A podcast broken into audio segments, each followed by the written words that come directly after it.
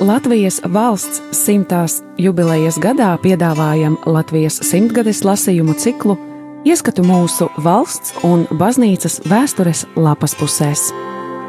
Julians Vaivots Septiņi mēneši Liepājas cietoksnī. No 1944. gada 9. oktobra līdz 1945. gada 9. maijam.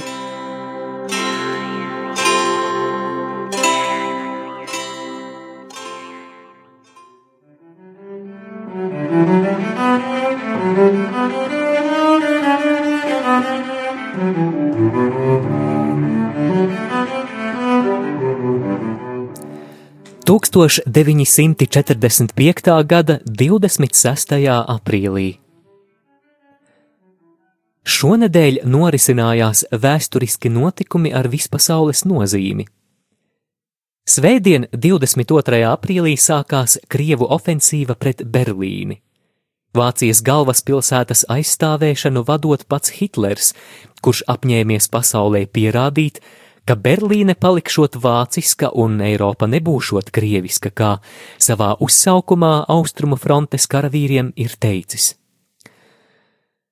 Ar savu klātbūtni un priekšzīmi vadonis nolēmis vācu tautu un armiju paskubināt visus spēkus ziedot Vācijas aizstāvēšanai pret krieviem toties vismaz daļēji ir rezignēts par rietumu frontes turēšanu, jo valsts sekretāra doktora Ūliga runā, ko viņš par radio teica starp citu, ir tāds teikums. Bolševisms jāiztriec un to no Eiropas iztrieks. Tas, ko citi dara mūsu cīnītājas armijas aizmugurē, atstāts viņu atbildībai un ieskatiem. Vācu tauta Adolfa Hitlera vadībā lielo briesmu stundā mūsu kontinenta labā darīs visu, lai draudošās briesmas novērstu. Doktors Naumans 26. aprīlī par radio paziņoja, ka bez vadoņa Berlīnē cīnoties arī doktors Gebels. Augstākie ģenerāļi personīgi pievedot vienības Berlīnes atslogošanai, un ģenerālštāba priekšnieks visos sīkumos sekojot Berlīnes aizsardzībai. Berlīnē blakus karavīriem cīnoties Hitlera jaunatne un ierēģi, kas portfeli pārmainījuši pret tanku dūri. Dažiem izciliem cīnītājiem vadonis pats personīgi piešķīris bruņinieka krustus. Gigantiskajai cīņai par Berlīni pasaule seko ar aizturētu elpu. Otrs visas pasaules mērogā svarīgs notikums ir konference, kas atklāta San Francisco pilsētā 25. aprīļa vakarā.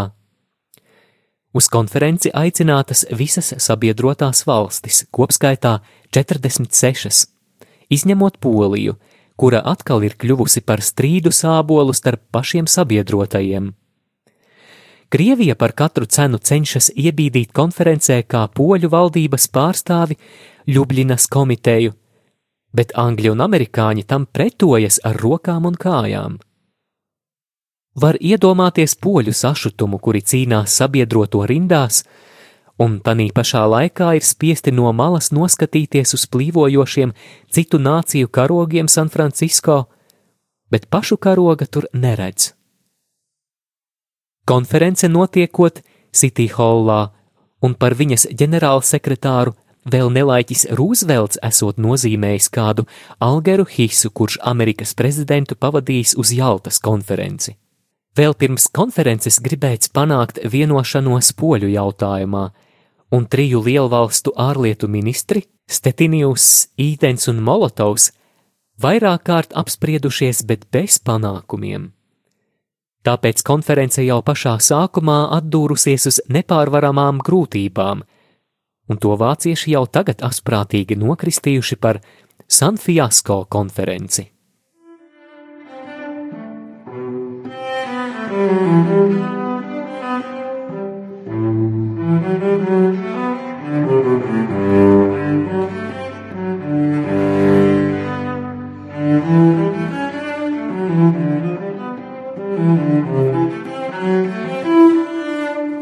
1945. gada 27. aprīlī Atkal jauns saviļņojums Liepājā.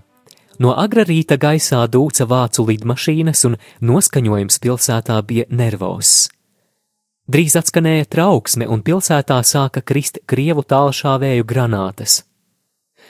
Atkārtojās tas pats, kas iepriekšējā apšaudīšanā – Granātas krita izklaidus pa vecliepāju, Graudu ielā, kur sadragāta kāda smagā mašīna, lielā ielā pretī trīsvienības baznīcai, Ukstiņa ielas tuvumā kādā dārzā un ostā.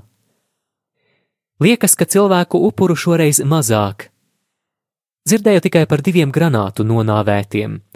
Toties apšaudīšana šoreiz pēc dažām stundām sistemātiski atkārtojās līdz vēlam vakaram. Nakti vairākums iedzīvotāju sagaidīja patvērtnēs. Līdz 12. vakarā tālumā varēja dzirdēt artilērijas tunoņu, un varēja domāt, ka sācies uzbrukums liepājai. Ap diviem naktī vēl atskanēja daži ļoti spēcīgi sprādzieni, kuri cilvēkus iztraucēja no nakts miera, bet ar tiem arī pietika. Frontes darbība gan dzirdama, tomēr liepājas tiešas apšaudīšanas vairs nav.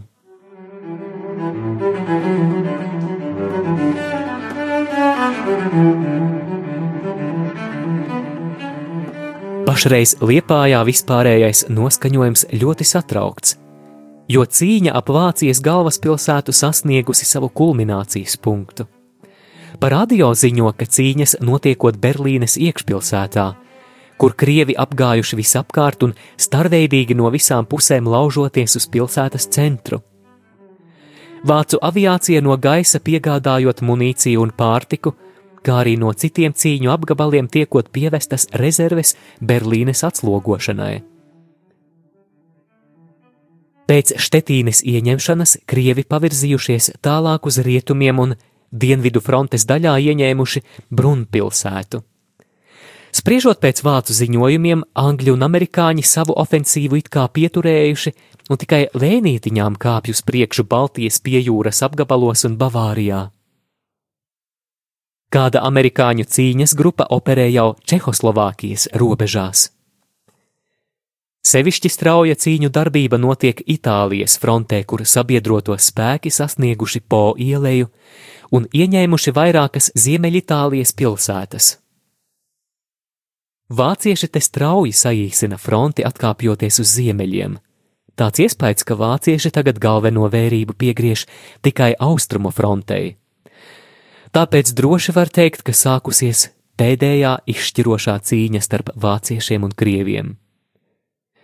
Nākošās dienas rādīs šīs gigantiskās spēkošanās rezultātus. Thank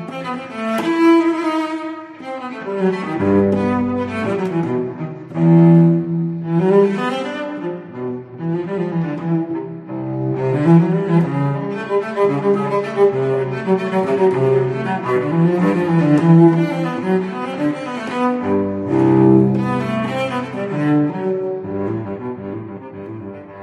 1945. gada 29. aprīlī. Jaunumi latviešu avīžniecībā. Jau 16. aprīlī ir iznācis Latvijas Nacionālās komitejas vēstnesis numur viens. Šis oficiāls drukāts uz vienas lapas apmēram vēstuļu bloka lielumā. Pirmā vietā ievietots Reichsfīrera pilnvarotā kurzemē ģenerāļa Bērenda dekrēts par tiesību un pienākumu pārnešanu uz Latvijas Nacionālo komiteju. Tad noteikumi par Latvijas Nacionālās komitejas vēstnesi. Nacionālās komitejas prezidenta paziņojums par Latvijas Nacionālās komitejas locekļu, resoru vadītāju sastāvu, un 1945. gada 5. aprīlī Nacionālās komitejas pieņemtā un komitejas prezidenta izsludinātā darbības iekārta. Visi rīkojumi drukāti paralēli latviešu un vācu valodā, ar to starpību, ka sākumā minētais ģenerāļa Bērenda dekrēts nodrukāts vispirms vācu un tad latviešu valodā, bet citi vispirms latviešu un tad vācu valodā. Tāds izskatās šis jaundzimušais vēstnesis, mazs, vārgs un uz divām kājām. Otrs jaunums. Ar šo dienu savas gaitas izbeidz dienas laikraksts Tēvija, kura pati par savu negaidīto nāvi ievietojusi sludinājumu šīs dienas 99. numurā. Nesen vēl rakstīju par tēvijas jubileju un novēlēju ilgus gadus, bet šodien rezignēti jāsaka, rekvieskat in pace, lai dus mierā.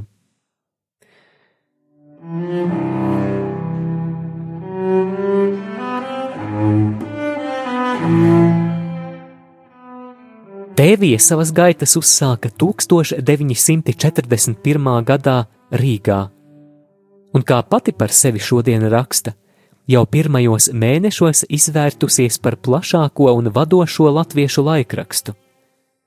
Reizē sasniedzot latviešu preses vēsturē nebijušu tirāžu, kā arī ātri nodibinot sev starptautisku vārdu. Tēvija esot vienīgais materiālu un dokumentu krājums par mūsu leģionāru, partizānu un policijas slēgto vienību varonīgajām cīņām – Reizē ar pēdējiem bēgļiem Tēvija atstāja Rīgu un pēc dažu dienu pārtraukuma atsāka savas gaitas kurzemes cietoksnī. Sākumā viņa sevī ietvēra arī jaunāko māsu, kurzemes vārdu, bet vēlāk to pavisam aizmirsusi braši apceļoja kurzemes cietoksni. Un šodien tas viss noslēdzas. Tēvijas vietā stājas cits laikraksts, jo tagadējais izšķirīgo notikumu laiks to prasot. Tēvija, atvadoties no saviem uzticīgajiem lasītājiem, reizē novēl jauno gaitu sācējiem labas, jo labas sekmes, un daudz mazāka grūtība nekā bija jāpārvar tēvijai, teikts aizejošā laikraksta nekrologā. Tātad Ave Cezar moriturite salutant Sveicināts valdniek, mirstošie tevi apsveic. Šis jaunais Cēzars sauksies Laika balss, kuru kā atbildīgais redaktors parakstīs Andrejs Eglītis. Bez tam iznākšot vēl nedēļas laikraksts Latvija, kuru parakstīšot Andrejs Johansons. Abus laikrakstus izdos izdevniecība Latvija Liepājā, Pasta ielā viens.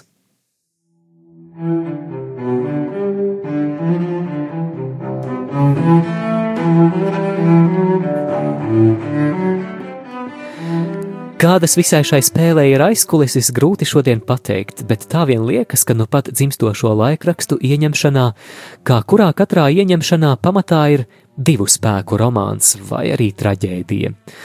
Bet šie notikumi parasti norisinās slēpti atklātībai, un tāpēc spriest par jauno laikrakstu dzemdētājiem spēkiem nav iespējams. Jo vairāk tāpēc, ka savus pēcnācējus reģistrēt dzimta sarakstu nodaļā vai pie mācītāja tie nav uzskatījuši par vajadzīgu. Kad jaundzimušie paši sāks runāt, varbūt viņi arī šo noslēpumu izpļāpās. Paživjom un vidzim skazal slipoja. Dzīvosim, redzēsim, teica aklais.